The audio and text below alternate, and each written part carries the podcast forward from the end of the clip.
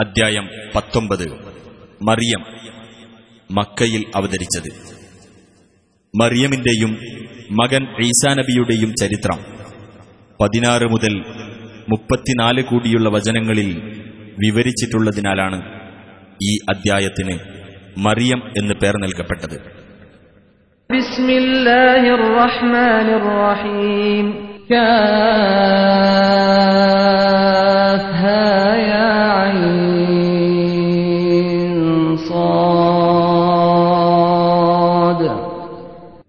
Calf ഹായ ഐൻ സ്വാദ്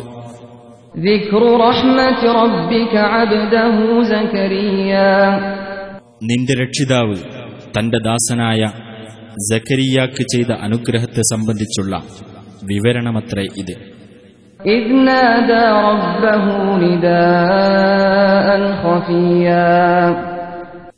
അതായത് അദ്ദേഹം തന്റെ രക്ഷിതാവിനെ പതുക്കെ വിളിച്ച് പ്രാർത്ഥിച്ച സന്ദർഭം. قال رب إني وهن العظم مني واشتعل الرأس شيبا ولم أكن بدعائك رب شقيا അദ്ദേഹം പറഞ്ഞു എന്റെ രക്ഷിതാവേ എന്റെ എല്ലുകൾ ബലഹീനമായി കഴിഞ്ഞിരിക്കുന്നു തലയാണെങ്കിൽ നരച്ചു തിളങ്ങുന്നതായിരിക്കുന്നു എന്റെ രക്ഷിതാവേ നിന്നോട് പ്രാർത്ഥിച്ചിട്ട് ഞാൻ ഭാഗ്യം കെട്ടവനായിട്ടില്ല.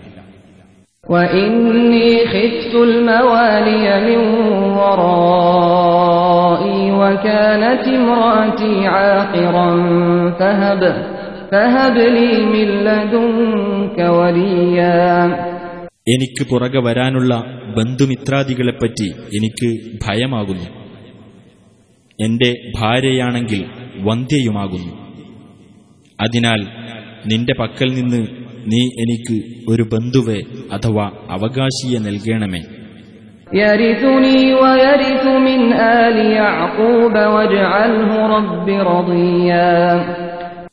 എനിക്കവൻ അനന്തരാവകാശിയായിരിക്കും. യാക്കൂബ് കുടുംബത്തിനും അവൻ അനന്തരാവകാശിയായിരിക്കും. എന്റെ രക്ഷിതാവെ അവനെ നീ ഏവർക്കും തൃപ്തിപ്പെട്ടവനാക്കുകയും ചെയ്യണമേ. يا زكريا إنا نبشرك بغلام اسمه يحيى لم نجعل له من قبل سميا ഹേ ജക്കരിയ തീർച്ചയായും നിനക്ക് നാം ഒരു ആൺകുട്ടിയെപ്പറ്റി സന്തോഷവാർത്ത അറിയിക്കുന്നു അവന്റെ പേർ യഹ്യ എന്നാകുന്നു മുമ്പ് നാം ആരെയും അവന്റെ പേര് ഉള്ളവരാക്കിയിട്ടില്ല قال رب أنا يكون لي غلام وكانت امرأتي عاقرا وقد بلغت من الكبر عتيا അദ്ദേഹം പറഞ്ഞു എന്റെ രക്ഷിതാവേ എനിക്കെങ്ങനെ ഒരു ആൺകുട്ടിയുണ്ടാകും എന്റെ ഭാര്യ വന്ധ്യയാകുന്നു ഞാനാണെങ്കിൽ വാർദ്ധക്യത്താൽ ചുക്കിച്ചുളിഞ്ഞ അവസ്ഥയിലെത്തിയിരിക്കുന്നു قال كذلك قال ربك هو علي هين وقد خلقتك من قبل ولم تك شيئا അള്ളാഹു പറഞ്ഞു അങ്ങനെ തന്നെ മുമ്പ് നീ യാതൊന്നുമല്ലാതിരുന്നപ്പോൾ നിന്നെ ഞാൻ സൃഷ്ടിച്ചിരിക്കെ ഇത് എന്നെ സംബന്ധിച്ചിടത്തോളം ഒരു നിസ്സാര കാര്യം മാത്രമാണ് എന്ന് നിന്റെ രക്ഷിതാവ് പ്രഖ്യാപിച്ചിരിക്കുന്നു قال رب اجعل لي آية قال آيتك ألا تكلم الناس ثلاث ليال سويا ജക്കരിയ പറഞ്ഞു നീ എനിക്ക് ഒരു ദൃഷ്ടാന്തം ഏർപ്പെടുത്തി തരണമേ അള്ളാഹു പറഞ്ഞു നിനക്കുള്ള ദൃഷ്ടാന്തം വൈകല്യമൊന്നും ഇല്ലാത്തവനായിരിക്കെ തന്നെ ജനങ്ങളോട് മൂന്ന് രാത്രി നീ സംസാരിക്കാതിരിക്കലാകുന്നു فخرج على قومه من المحراب فأوحى إليهم أن سبحوا بكرة وعشيا അങ്ങനെ അദ്ദേഹം പ്രാർത്ഥനാ മണ്ഡപത്തിൽ നിന്ന് തന്റെ ജനങ്ങളുടെ അടുത്തേക്ക് പുറപ്പെട്ടു എന്നിട്ട് നിങ്ങൾ രാവിലെയും വൈകുന്നേരവും അള്ളാഹുവിന്റെ പരിശുദ്ധിയെ പ്രകീർത്തിക്കുക എന്ന് അവരോട് ആംഗ്യം കാണിച്ചു يا يحيى خذ الكتاب بقوة وآتيناه الحكم صبيا ഹേ യഹ്യ വേദഗ്രന്ഥം ബലമായി സ്വീകരിച്ചു കൊള്ളുക എന്ന് നാം പറഞ്ഞു കുട്ടിയായിരിക്കെ തന്നെ അദ്ദേഹത്തിന് നാം ജ്ഞാനം നൽകുകയും ചെയ്തു وحنانا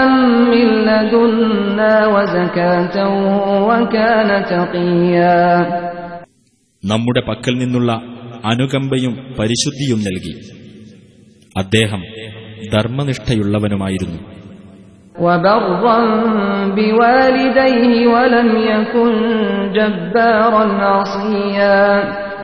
തന്റെ മാതാപിതാക്കൾക്ക് നന്മ ചെയ്യുന്നവനുമായിരുന്നു.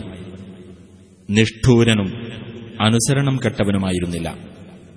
وسلام عليه يوم ولد ويوم يموت ويوم يبعث حيا അദ്ദേഹം ജനിച്ച ദിവസവും മരിക്കുന്ന ദിവസവും ജീവനോടെ എഴുന്നേൽപ്പിക്കപ്പെടുന്ന ദിവസവും അദ്ദേഹത്തിന് സമാധാനം واذكر في الكتاب مريم إذ انتبذت من أهلها مكانا شرقيا വേദഗ്രന്ഥത്തിൽ മറിയമിനെപ്പറ്റിയുള്ള വിവരം നീ പറഞ്ഞുകൊടുക്കുക അവൾ തന്റെ വീട്ടുകാരിൽ നിന്നകന്ന് കിഴക്കുഭാഗത്തുള്ള ഒരു സ്ഥലത്തേക്ക് മാറി താമസിച്ച സന്ദർഭം فاتخذت من دونهم حجابا فأرسلنا إليها روحنا فتمثل لها بشرا سويا എന്നിട്ട് അവർ കാണാതിരിക്കാൻ അവൾ ഒരു മറയുണ്ടാക്കി അപ്പോൾ നമ്മുടെ ആത്മാവിനെ അഥവാ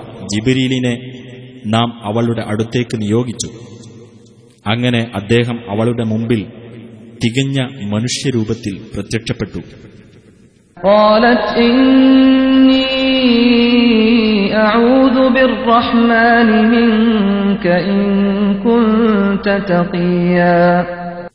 അവൾ പറഞ്ഞു തീർച്ചയായും നിന്നിൽ നിന്ന് ഞാൻ പരമകാരുണികനിൽ ശരണം പ്രാപിക്കുന്നു. നീ ധർമ്മനിഷ്ഠയുള്ളവനാണെങ്കിൽ എന്നെ വിട്ട് മാറിപ്പോകൂ.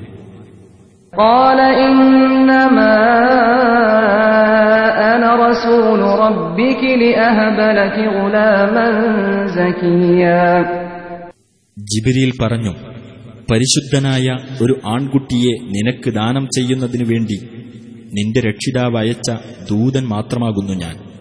قالت أنا يكون لي غلام ولم يمسسني بشر ولم أك بغيا അവൾ പറഞ്ഞു എനിക്കെങ്ങനെ ഒരാൺകുട്ടിയുണ്ടാകും യാതൊരു മനുഷ്യനും എന്നെ സ്പർശിച്ചിട്ടില്ല ഞാൻ ഒരു ദുർനടപടിക്കാരിയായിട്ടുമില്ല قال كذلك قال ربك هو علي هين ولنجعله آية للناس ورحمة منا وكان أمرا مقضيا അദ്ദേഹം പറഞ്ഞു കാര്യം അങ്ങനെ തന്നെയാകുന്നു അത് തന്നെ സംബന്ധിച്ചിടത്തോളം നിസ്സാരമായ ഒരു കാര്യമാണെന്ന് നിന്റെ രക്ഷിതാവ് പറഞ്ഞിരിക്കുന്നു ആ കുട്ടിയെ മനുഷ്യർക്കൊരു ദൃഷ്ടാന്തവും നമ്മുടെ പക്കൽ നിന്നുള്ള കാരുണ്യവും ആക്കാനും നാം ഉദ്ദേശിക്കുന്നു.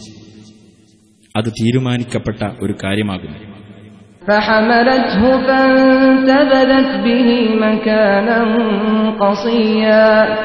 അങ്ങനെ അവനെ ഗർഭം ധരിക്കുകയും എന്നിട്ട് അതുമായി അവൾ അകലെ ഒരു സ്ഥലത്ത് മാറി താമസിക്കുകയും ചെയ്തു. فأجاءها المخاض إلى جذع النخلة قالت قالت يا ليتني مت قبل هذا وكنت نسيا منسيا അങ്ങനെ പ്രസവവേദന അവളെ ഒരു ഈന്തപ്പന മരത്തിന്റെ അടുത്തേക്ക് കൊണ്ടുവന്നു അവൾ പറഞ്ഞു ഞാൻ ഇതിനു മുമ്പ് തന്നെ മരിക്കുകയും പാടെ വിസ്മരിച്ച് തള്ളപ്പെട്ടവളാകുകയും ചെയ്തിരുന്നുവെങ്കിൽ എത്ര നന്നായിരുന്നേനെ فناداها من تحتها ألا تحزني قد جعل ربك تحتك سريا ഉടനെ അവളുടെ താഴ്ഭാഗത്തുനിന്ന് ഒരാൾ വിളിച്ചു പറഞ്ഞു നീ വ്യസനിക്കേണ്ട നിന്റെ താഴ്ഭാഗത്ത് ഒരു അരുവി ഉണ്ടാക്കി തന്നിരിക്കുന്നു وهزي إليك بجذع النخلة تساقط عليك رطبا جنيا നീ ഈന്തപ്പനമരം നിന്റെ അടുക്കലേക്ക് പിടിച്ചു കുലുക്കിക്കൊള്ളുക അത് നിനക്ക് പാകമായ ഈന്തപ്പഴം വീഴ്ത്തിത്തരുന്നതാണ് فكلي واشربي وقري عينا فإما ترين من البشر أحدا فقولي إني نذرت للرحمن صوما فلن أكلم اليوم إنسيا അങ്ങനെ നീ തിന്നുകയും കുടിക്കുകയും കണ്ണ് കുളിർത്തിരിക്കുകയും ചെയ്യുക ഇനി നീ മനുഷ്യരിൽ ആരെയെങ്കിലും കാണുന്ന പക്ഷം ഇപ്രകാരം പറഞ്ഞേക്കുക പരമകാരുണികനു വേണ്ടി ഞാൻ ഒരു വ്രതം നേർന്നിരിക്കുകയാണ് അതിനാൽ ഇന്നു ഞാൻ ഒരു മനുഷ്യനോടും സംസാരിക്കുകയില്ല തന്നെ فأتت به قومها تحمله قالوا يا مريم لقد جئت شيئا فريا അനന്തരം കുട്ടിയെയും വഹിച്ചുകൊണ്ട് അവൾ തന്റെ ആളുകളുടെ അടുത്ത് ചെന്നു അവർ പറഞ്ഞു മറിയമേ ആക്ഷേപകരമായ ഒരു കാര്യം തന്നെയാകുന്നു നീ ചെയ്തിരിക്കുന്നത്.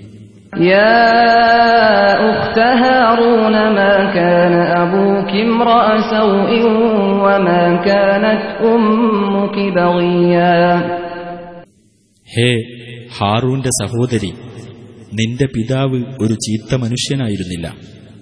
നിന്റെ മാതാവ് ഒരു ദുർനടപടിക്കാരിയുമായിരുന്നില്ല. فأشارت إليه قالوا كيف نكلم من كان في المهد صبيا അപ്പോൾ അവൾ അവന്റെ നേരെ ചൂണ്ടിക്കാണിച്ചു അവർ പറഞ്ഞു തൊട്ടിലുള്ള ഒരു കുട്ടിയോട് ഞങ്ങൾ എങ്ങനെ സംസാരിക്കും قال إني عبد الله آتاني الكتاب وجعلني نبيا കുട്ടി പറഞ്ഞു ഞാൻ അള്ളാഹുവിന്റെ ദാസനാകുന്നു. അവൻ എനിക്ക് വേദഗ്രന്ഥം നൽകുകയും എന്നെ അവൻ പ്രവാചകനാക്കുകയും ചെയ്തിരിക്കുന്നു.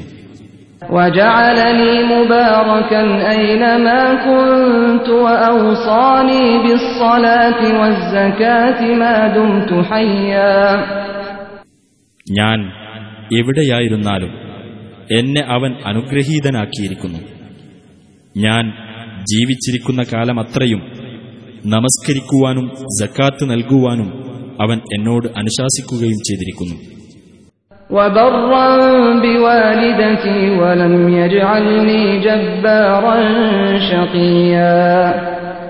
അവൻ എന്നെ എന്റെ മാതാവിനോട് നല്ല നിലയിൽ പെരുമാറുന്നവൻ ആക്കിയിരിക്കുന്നു.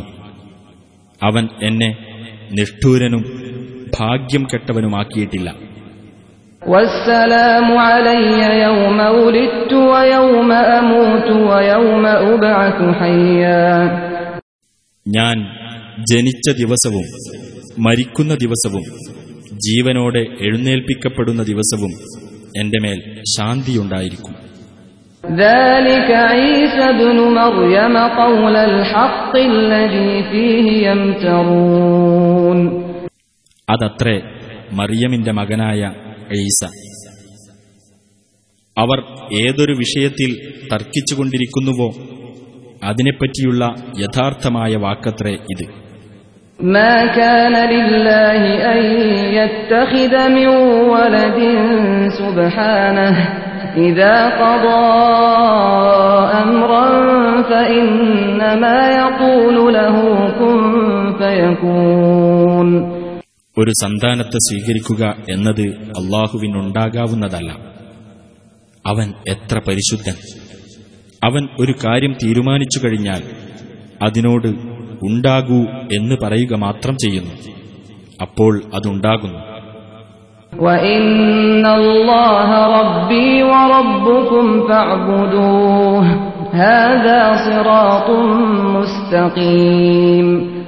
ഈസ പറഞ്ഞു തീർച്ചയായും അള്ളാഹു എന്റെയും നിങ്ങളുടെയും രക്ഷിതാവാകുന്നു അതിനാൽ അവനെ നിങ്ങൾ ആരാധിക്കുക ഇതത്രേ നേരെയുള്ള മാർഗം فاختلف الأحزاب من بينهم فويل للذين كفروا من مشهد يوم عظيم എന്നിട്ട് അവർക്കിടയിൽ നിന്ന് കക്ഷികൾ ഭിന്നിച്ചുണ്ടായി അപ്പോൾ അവിശ്വസിച്ചവർക്കത്രേ ഭയങ്കരമായ ഒരു ദിവസത്തിന്റെ സാന്നിധ്യത്താൽ വമ്പിച്ച നാശം أسمع بهم وأبصر يوم يأتوننا لكن الظالمون اليوم في ضلال مبين അവർ നമ്മുടെ അടുത്തു വരുന്ന ദിവസം അവർക്ക് എന്തൊരു കേൾവിയും കാഴ്ചയുമായിരിക്കും പക്ഷേ ഇന്ന് ആ അക്രമികൾ പ്രത്യക്ഷമായ വഴികേടിലാകുന്നു.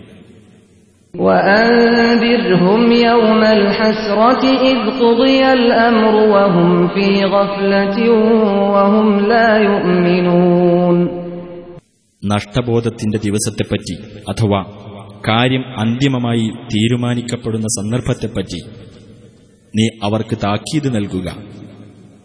അവർ അശ്രദ്ധയിലകപ്പെട്ടിരിക്കുകയാകുന്നു. അവർ വിശ്വസിക്കുന്നില്ല.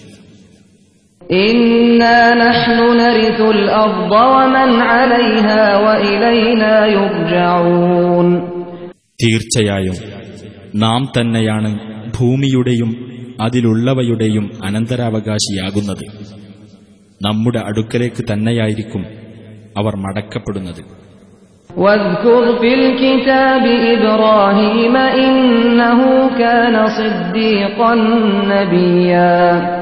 വേദഗ്രന്ഥത്തിൽ ഇബ്രാഹീമിനെ പറ്റിയുള്ള വിവരം നീ പറഞ്ഞുകൊടുക്കുക തീർച്ചയായും അദ്ദേഹം സത്യവാനും പ്രവാചകനുമായിരുന്നു إذ قال لأبيه يا أبت لم تعبد ما لا يسمع ولا يبصر ولا يغني عنك شيئا അദ്ദേഹം തന്റെ പിതാവിനോട് പറഞ്ഞ സന്ദർഭം ശ്രദ്ധേയമാകുന്നു എന്റെ പിതാവെ കേൾക്കുകയോ കാണുകയോ ചെയ്യാത്ത താങ്കൾക്ക് യാതൊരു ഉപകാരവും ചെയ്യാത്ത വസ്തുവിനെ താങ്കൾ എന്തിനാരാധിക്കുന്നു?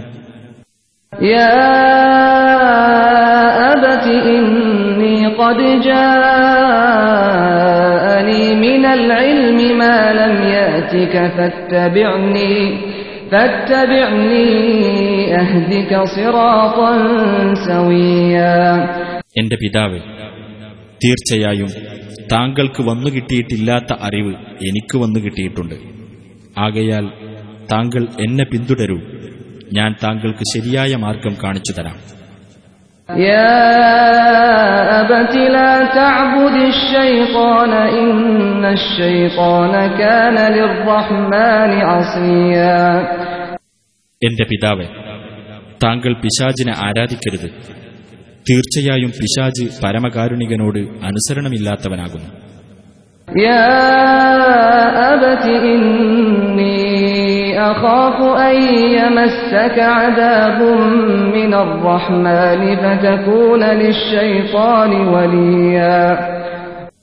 എന്റെ പിതാവേ തീർച്ചയായും പരമകാരുണികനിൽ നിന്നുള്ള വല്ല ശിക്ഷയും താങ്കളെ ബാധിക്കുമെന്ന് ഞാൻ ഭയപ്പെടുന്നു. അപ്പോൾ താങ്കൾ പിശാജിന്റെ മിത്രമായിരിക്കുന്നതാണ് قال أراغب أنت عن آلهتي يا إبراهيم لئن لم تنته لأرجمنك واهجرني مليا അയാൾ പറഞ്ഞു ഹേ ഇബ്രാഹിം നീ എന്റെ ദൈവങ്ങളെ വേണ്ടെന്ന് വെക്കുകയാണോ നീ ഇതിൽ നിന്ന് വിരമിക്കുന്നില്ലെങ്കിൽ ഞാൻ നിന്നെ കല്ലെറിഞ്ഞോടിക്കുക തന്നെ ചെയ്യും കുറെ കാലത്തേക്ക് നീ എന്നിൽ നിന്ന് വിട്ടുമാറിക്കൊള്ളണം قال سلام عليك سأستغفر لك ربي إنه كان بي حفيا ഇബ്രാഹിം പറഞ്ഞു താങ്കൾക്ക് സലാം താങ്കൾക്കു വേണ്ടി ഞാൻ എന്റെ രക്ഷിതാവിനോട് പാപമോചനം തേടാം തീർച്ചയായും അവൻ എന്നോട് ദയയുള്ളവനാകുന്നു وأعتزلكم وما تدعون من دون الله وأدعو ربي عسى ألا أكون بدعاء ربي شقيا നിങ്ങളെയും അള്ളാഹുവിന് പുറമെ നിങ്ങൾ പ്രാർത്ഥിച്ചു വരുന്നവയെയും ഞാൻ വെടിയുന്നു എന്റെ രക്ഷിതാവിനോട് ഞാൻ പ്രാർത്ഥിക്കുന്നു എന്റെ രക്ഷിതാവിനോട് പ്രാർത്ഥിക്കുന്നത് മൂലം ഞാൻ ഭാഗ്യം കെട്ടവനാകാതിരുന്നേക്കാം فلما اعتزلهم وما يعبدون من دون الله وهبنا له إسحاق ويعقوب وكلا جعلنا نبيا അങ്ങനെ അവരെയും അള്ളാഹുവിന് പുറമെ അവർ ആരാധിക്കുന്നവയെയും വെടിഞ്ഞ് അദ്ദേഹം പോയപ്പോൾ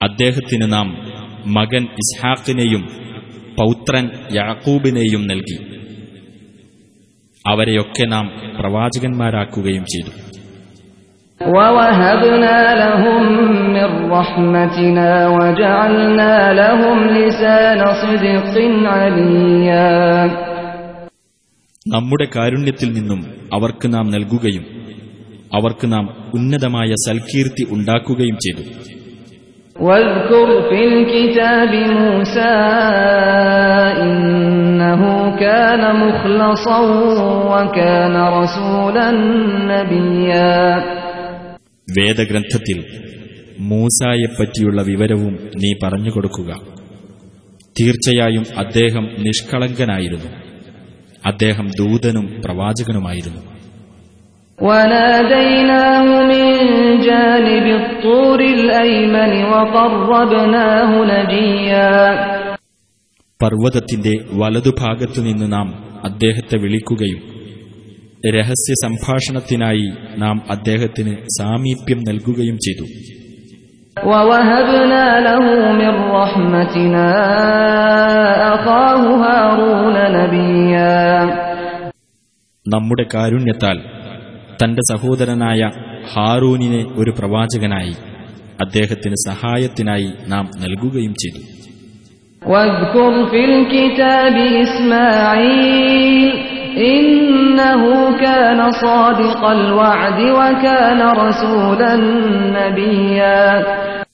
വേദഗ്രന്ഥത്തിൽ ഇസ്മായിലിനെ പറ്റിയുള്ള വിവരം നീ പറഞ്ഞു കൊടുക്കുക. തീർച്ചയായും അദ്ദേഹം വാഗ്ദാനം പാലിക്കുന്നവനായിരുന്നു. അദ്ദേഹം ദൂതനും പ്രവാചകനുമായിരുന്നു.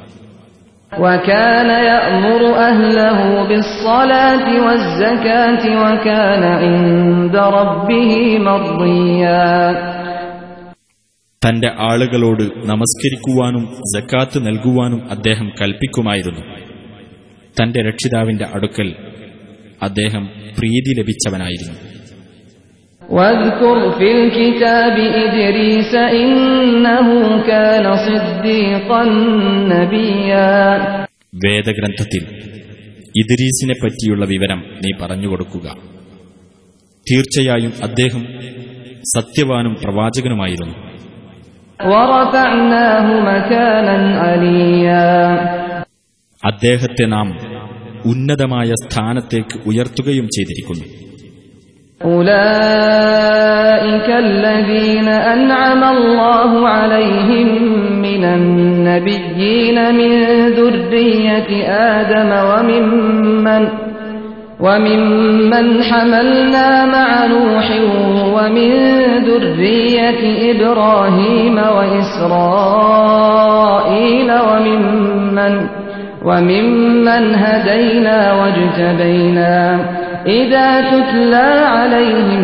آيات الرحمن خروا سجدا وبكيا അള്ളാഹു അനുഗ്രഹം നൽകിയിട്ടുള്ള പ്രവാചകന്മാരത്രേ അവർ ആദമിന്റെ സന്തതികളിൽപ്പെട്ടവരും നോഹിനോടൊപ്പം നാം കപ്പലിൽ കയറ്റിയവരിൽപ്പെട്ടവരും ഇബ്രാഹീമിന്റെയും ഇസ്രായേലിന്റെയും സന്തതികളിൽപ്പെട്ടവരും നാം നേർവഴിയിലാക്കുകയും പ്രത്യേകം തെരഞ്ഞെടുക്കുകയും ചെയ്തവരിൽപ്പെട്ടവരുമത്രേ അവർ.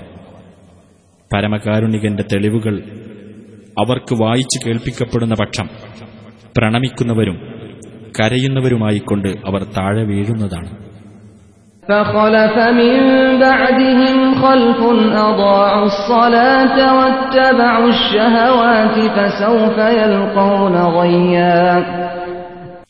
എന്നിട്ട് അവർക്കു ശേഷം അവരുടെ സ്ഥാനത്ത് ഒരു പിൻതലമുറ വന്നു.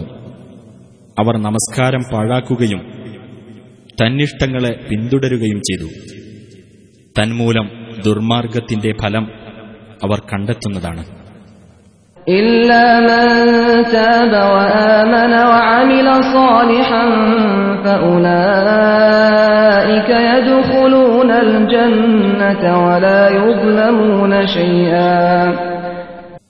എന്നാൽ പശ്ചാത്തപിക്കുകയും വിശ്വസിക്കുകയും സൽക്കർമ്മം പ്രവർത്തിക്കുകയും ചെയ്തവർ ഇതിൽ നിന്നൊഴിവാകുന്നു അവർ സ്വർഗത്തിൽ പ്രവേശിക്കുന്നതാണ് അവർ ഒട്ടും അനീതിക്കു വിധേയരാവുകയില്ല جنات عدن التي وعد الرحمن عباده بالغيب إنه كان وعده مأتيا പരമകാരുണികൻ തന്റെ ദാസന്മാരോട് അദൃശ്യമായ നിലയിൽ വാഗ്ദാനം ചെയ്തിട്ടുള്ള സ്ഥിരവാസത്തിനായുള്ള സ്വർഗത്തോപ്പുകളിൽ അവർ പ്രവേശിക്കും തീർച്ചയായും അവന്റെ വാഗ്ദാനം നടപ്പിൽ വരുന്നത് തന്നെയാകുന്നു لا يسمعون فيها لغوا إلا سلاما ولهم رزقهم فيها بكرة وعشيا സലാം അല്ലാതെ നിരർത്ഥകമായ യാതൊന്നും അവരവിടെ കേൾക്കുകയില്ല.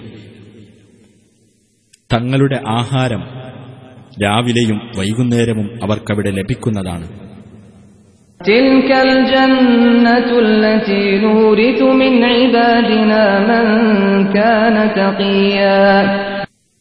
നമ്മുടെ ദാസന്മാരിൽ നിന്ന് ആർ ധർമ്മനിഷ്ഠ പുലർത്തുന്നവരായിരുന്നുവോ?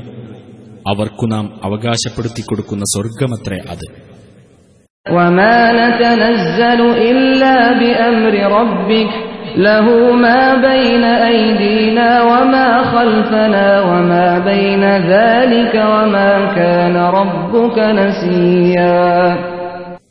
നബിയോട് ജിബിരിയിൽ പറഞ്ഞു താങ്കളുടെ രക്ഷിതാവിന്റെ കൽപ്പനപ്രകാരമല്ലാതെ നാം ഇറങ്ങിവരുന്നതല്ല.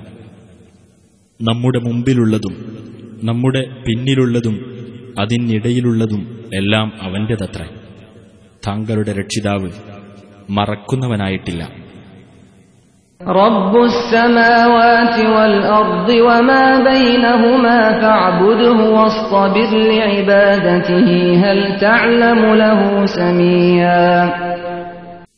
ആകാശങ്ങളുടെയും ഭൂമിയുടെയും അവയ്ക്കിടയിലുള്ളതിന്റെയും രക്ഷിതാവത്രേ അവൻ. അതിനാൽ അവനെ താങ്കൾ ആരാധിക്കുകയും അവനുള്ള ആരാധനയിൽ ക്ഷമയോടെ ഉറച്ചു നിൽക്കുകയും ചെയ്യുക. അവന് പേരൊത്ത ആരെയെങ്കിലും താങ്കൾക്കറിയാമോ?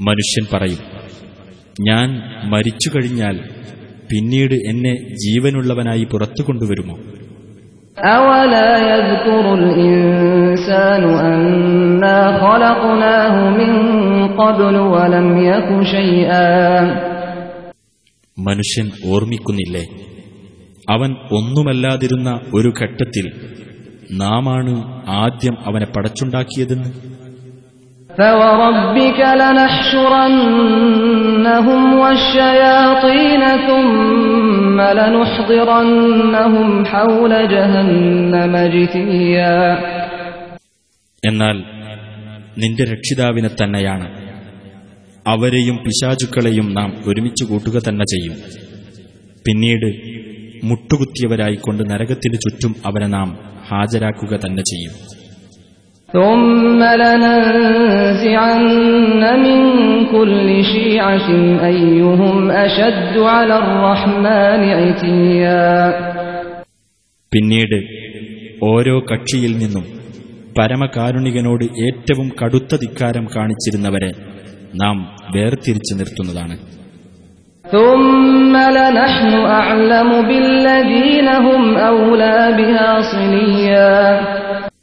പിന്നീട് നരകത്തിൽ എരിയുവാൻ അവരുടെ കൂട്ടത്തിൽ ഏറ്റവും അർഹതയുള്ളവരെപ്പറ്റി നമുക്ക് നല്ലവണ്ണം അറിയാവുന്നതാണ്.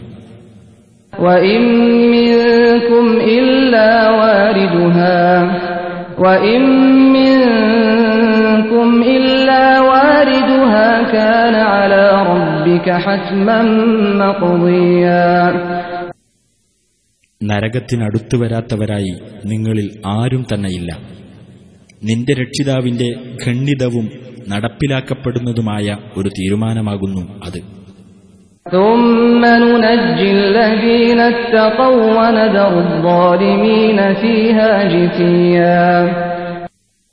പിന്നീട് ധർമ്മനിഷ്ഠ പാലിച്ചവരെ നാം രക്ഷപ്പെടുത്തുകയും അക്രമികളെ മുട്ടുകുത്തിയവരായിക്കൊണ്ട് നാം അതിൽ വിട്ടേക്കുകയും ചെയ്യുന്നതാണ്.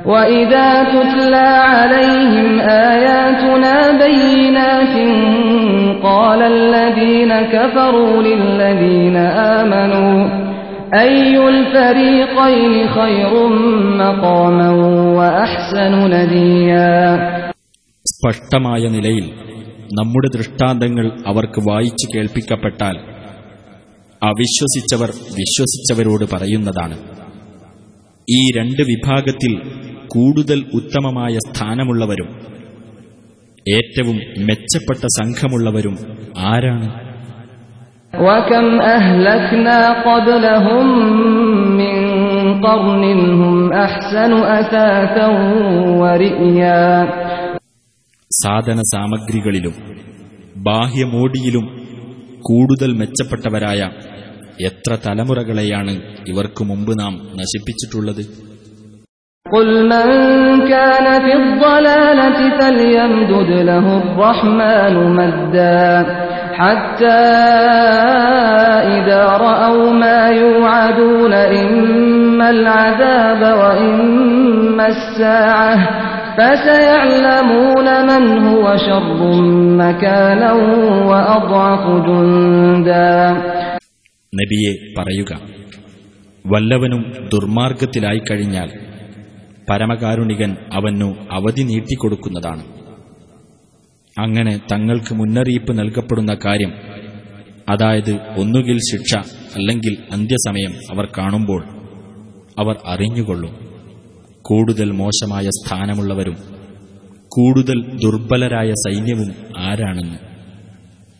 ويزيد الله الذين اهتدوا هدى والباقيات الصالحات خير عند ربك ثوابا وخير مردا സന്മാർഗം സ്വീകരിച്ചവർക്ക് അള്ളാഹു സന്മാർഗനിഷ്ഠ വർദ്ധിപ്പിച്ചു കൊടുക്കുന്നതാണ് നിലനിൽക്കുന്ന സൽക്കർമ്മങ്ങളാണ് നിന്റെ രക്ഷിതാവിങ്കൽ ഉത്തമമായ പ്രതിഫലമുള്ളതും ഉത്തമമായ പരിണാമമുള്ളതും أفرأيت الذي كفر بآياتنا وقال لأوتين مالا وولدا എന്നാൽ നമ്മുടെ ദൃഷ്ടാന്തങ്ങളിൽ അവിശ്വസിക്കുകയും എനിക്ക് സമ്പത്തും സന്താനവും നൽകപ്പെടുക തന്നെ ചെയ്യും എന്ന് പറയുകയും ചെയ്തവനെ നീ കണ്ടുപോ أطلع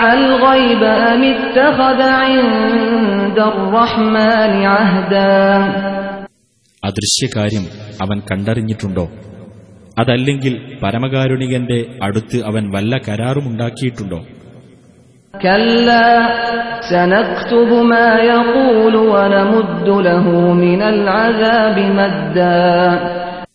അല്ല അവൻ പറയുന്നത് നാം രേഖപ്പെടുത്തുകയും അവന് ശിക്ഷ കൂട്ടിക്കൊടുക്കുകയും ചെയ്യും.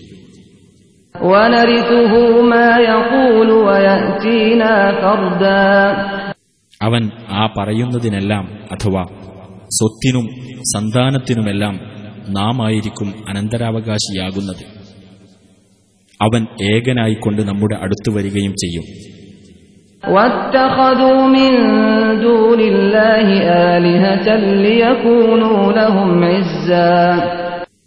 അള്ളാഹുവിന് പുറമെ അവർ ദൈവങ്ങളെ സ്വീകരിച്ചിരിക്കുകയാണ്. അവർ ഇവർക്ക് പിൻബലമാകുന്നതിനു വേണ്ടി.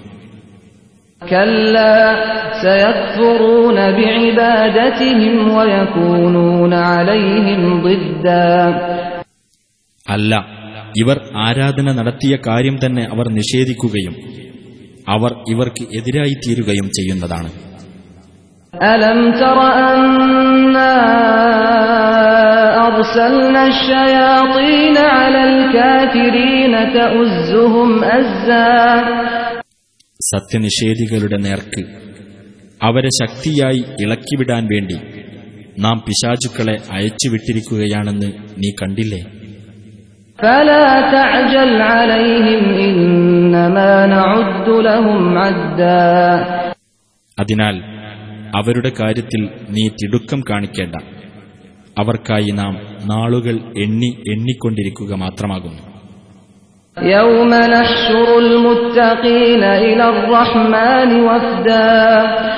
ധർമ്മനിഷ്ഠയുള്ളവരെ വിശിഷ്ടാതിഥികൾ എന്ന നിലയിൽ പരമകാരുണികന്റെ അടുത്തേക്ക് നാം വിളിച്ചു കൂട്ടുന്ന ദിവസം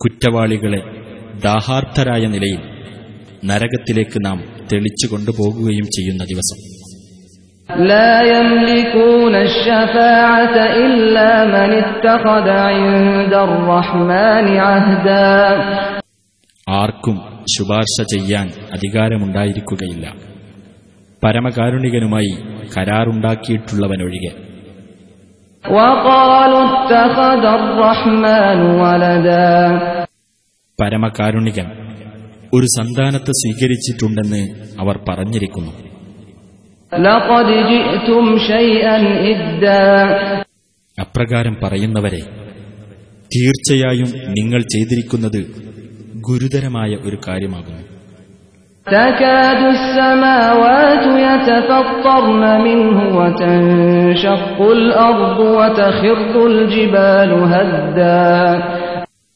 അതുനിമിത്തം ആകാശങ്ങൾ പൊട്ടിപ്പിളരുകയും ഭൂമി വിണ്ടുകീറുകയും പർവ്വതങ്ങൾ തകർന്നു വീഴുകയും ചെയ്യുമാറാകും أن دعوا للرحمن ولدا അതെ പരമകാരുണികന് സന്താനമുണ്ടെന്ന് അവർ വാദിച്ചതു നിമിത്തം وما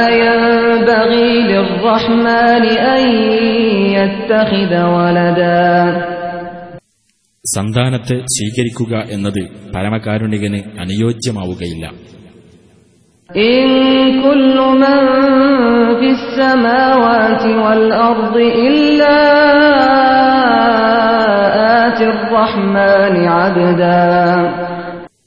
ആകാശങ്ങളിലും ഭൂമിയിലുമുള്ള ഏതൊരാളും ഒരു ദാസനെന്ന നിലയിൽ പരമകാരുണികന്റെ അടുത്ത് വരുന്നവൻ മാത്രമായിരിക്കും.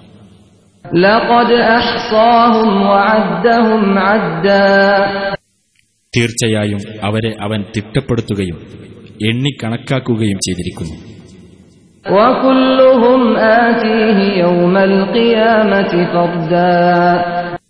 അവരോരോരുത്തരും ഉയർത്തെഴുന്നേൽപ്പിന്റെ നാളിൽ ഏകാഗിയായിക്കൊണ്ട് അവന്റെ അടുക്കൽ വരുന്നതാണ്. إن الذين آمنوا وعملوا الصالحات سيجعل لهم الرحمن ودا വിശ്വസിക്കുകയും സൽക്കർമ്മങ്ങൾ പ്രവർത്തിക്കുകയും ചെയ്തവരാരോ അവർക്ക് പരമകാരുണികൻ സ്നേഹമുണ്ടാക്കി കൊടുക്കുന്നതാണ് തീർച്ച فإنما يسرناه بلسانك لتبشر به المتقين لتبشر به المتقين وتنذر به قوما لدا ഈ ഖുർആൻ നിന്റെ ഭാഷയിൽ നാം ലളിതമാക്കി തന്നിരിക്കുന്നത് ധർമ്മനിഷ്ഠയുള്ളവർക്ക് ഇതു മുഖേന നീ സന്തോഷവാർത്ത നൽകുവാനും മർക്കടമുഷ്ടിക്കാരായ ആളുകൾക്ക് ഇതു മുഖേന നീ താക്കീത് നൽകുവാനും വേണ്ടി മാത്രമാകുന്നു وكم أهلكنا قبلهم من قرن هل تحس منهم من أحد أو تسمع لهم ركزا